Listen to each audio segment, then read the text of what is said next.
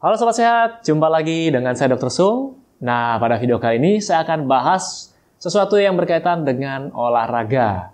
Jadi pertanyaan dari Sobat Sehat saya akan bahas di sini.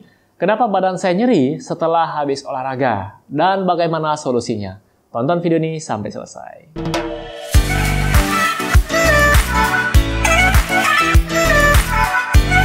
Nah, Sobat Sehat, saya yakin Anda semua yang menonton video ini pasti pernah merasakan nyeri pada saat selesai olahraga.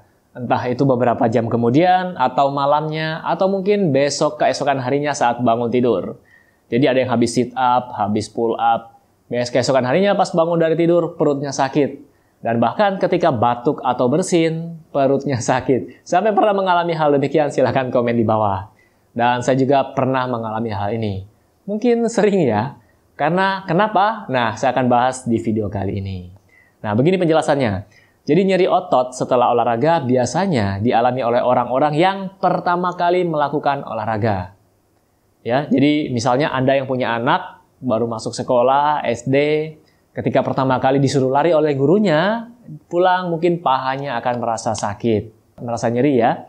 Kemudian orang-orang yang meningkatkan intensitas olahraganya. Mungkin mereka yang biasa lari, jogging santai, terus mencoba hal yang baru, sprint misalnya, lari cepat Hal ini juga dapat menimbulkan nyeri pada paha mereka, pada otot-otot paha tentunya. Lalu pada mereka juga yang mencoba jenis olahraga yang baru. Misalnya Anda yang terbiasa nari balet misalnya, kemudian tiba-tiba Anda ke gym nyoba gym. Nah, ini juga bisa menimbulkan nyeri pada otot Anda. Oke, kemudian nyeri dan kaku otot yang muncul setelah berolahraga disebut DOMS. Nah, kepanjangannya adalah Delay Onset Muscle Soreness ya. Jadi nyeri otot ini bisa muncul dalam waktu 24 sampai 48 jam kemudian. Jadi bukan habis ini olahraga, satu jam kemudian Anda nyeri, bukan seperti itu. Kalau seperti itu, mungkin Anda overtrain dan yang terjadi adalah kram otot, bukan DOMS. Gejalanya adalah nyeri otot mulai dari yang ringan sampai berat. Pada beberapa orang mengalami kaku otot, terus berkurangnya kemampuan otot untuk sementara, jadi tidak permanen. Jadi contohnya gini, Anda habis nge-gym misalnya, ya, siapa di sini yang baru mulai nge-gym atau berencana nge-gym, jadi tonton video ini sampai selesai. Jadi ini menurut pengalaman saya juga sendiri, pengalaman pribadi dan teman-teman, jadi habis dari tempat gym pulang keesokan harinya, ya, waktu masih kuliah ya, ikut-ikutan, pulang di rumah besok keesokan harinya mau sikat gigi saja susah, ngangkat gayung untuk mandi itu berat sikat gigi akhirnya bukan tangannya yang digoyang, akhirnya kepalanya yang digoyang. Siapa yang pernah mengalami hal demikian? Silahkan komen di bawah. Apa saja penyebab DOMS? Nah, di sini beberapa studi menyimpulkan bahwa DOMS bisa terjadi akibat penumpukan asam laktat sebagai hasil metabolisme otot. Lalu kerusakan jaringan ikat dan otot dan peradangan pada otot. Jadi, faktor-faktor itulah yang menyebabkan nyeri tadi.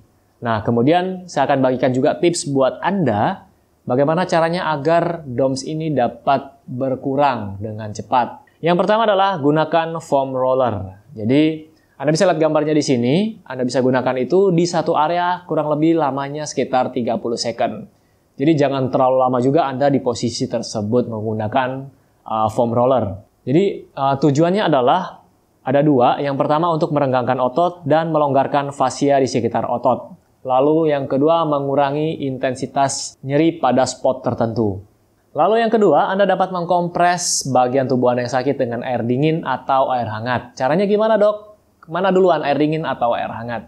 Jadi ketika Anda baru mulai merasakan nyeri, terjadi pembengkakan pada otot, itu terjadi peradangan di sana, Anda bisa gunakan air dingin dulu, dikompres sekitar 10 menit. Atau Anda mungkin boleh berendam dengan air dingin, tapi jangan terlalu lama.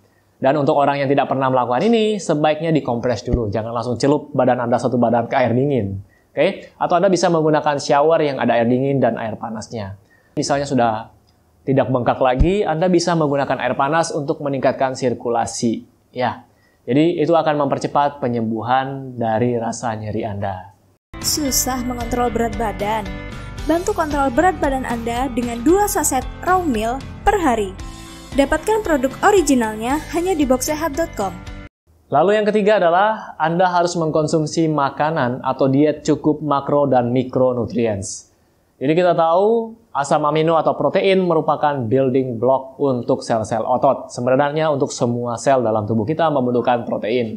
Protein dipecah menjadi asam amino. Nah, Saran saya adalah Anda harus cukup mengkonsumsi asam amino atau protein. Kalau ditanya berapa dosisnya untuk tubuh Anda, setiap orang berbeda-beda dosisnya. Paling gampang adalah Anda bisa kalikan berat badan Anda ke dalam 1 gram. Jadi contohnya berat badan Anda 50 kilo. Jadi Anda membutuhkan 50 gram protein satu hari untuk maintenance tubuh Anda. Kalau untuk naikin berat badan, bagaimana dok? Anda bisa kalikan dengan 1,5.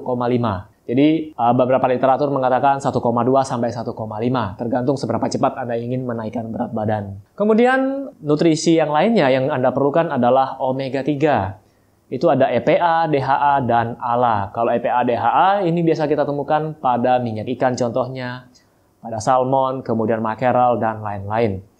Sumbernya dari hewani. Kemudian yang ALA, ALA ini biasanya dari nabati.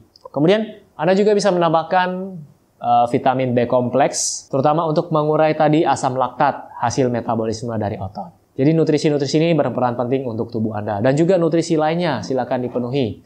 Contohnya dari buah-buahan jangan lewatkan, terutama buah-buah yang uh, seperti nanas, kemudian berry, tomat. Jadi ya mereka ini buah-buah ini bisa membantu Anda mengurangi peradangan pada otot. Ingat, tadi salah satu penyumbang nyeri pada otot adalah peradangan.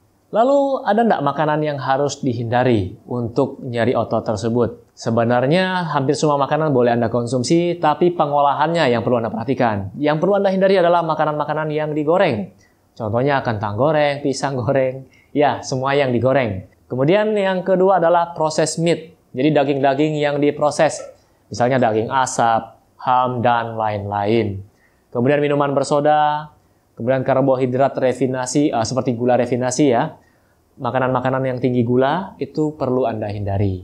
Dan solusi yang terakhir yang bisa Anda lakukan adalah tetap aktif bergerak. Jadi mentang-mentang badan Anda sakit semua, jangan cuma tidur di kasur. Anda tetap harus bergerak. Alasannya adalah untuk memperbaiki sirkulasi. Jadi kalau sirkulasi Anda lancar, ini akan mempercepat proses penyembuhan tubuh Anda yang nyeri tadi. Jadi tetap lakukan gerakan ringan, misalnya tetap jalan, tetap jogging, ya tapi jangan angkat berat. Misalnya hari ini Anda habis latihan, misalnya yang nge-gym ya, Anda habis latihan bench press, dada Anda nyeri. Keesokan harinya jangan lakukan bench press lagi ketika masih kondisi nyeri. Anda bisa lakukan gerakan yang lainnya. Anda bisa lari mungkin, Anda bisa lakukan sepeda yang ringan, tetap lakukan aktivitas. Jadi jangan mager, malas gerak ya. Oke, mungkin itu saja informasi yang bisa saya berikan pada kesempatan kali ini. Tetap jaga kondisi tubuh Anda, dan saya doakan Anda tetap sehat selalu. Oke, tetap tonton terus video-video SB30 Health. Semoga video-video kita dapat bermanfaat buat Anda semua. Sampai jumpa di video kami yang selanjutnya. Salam hebat luar biasa.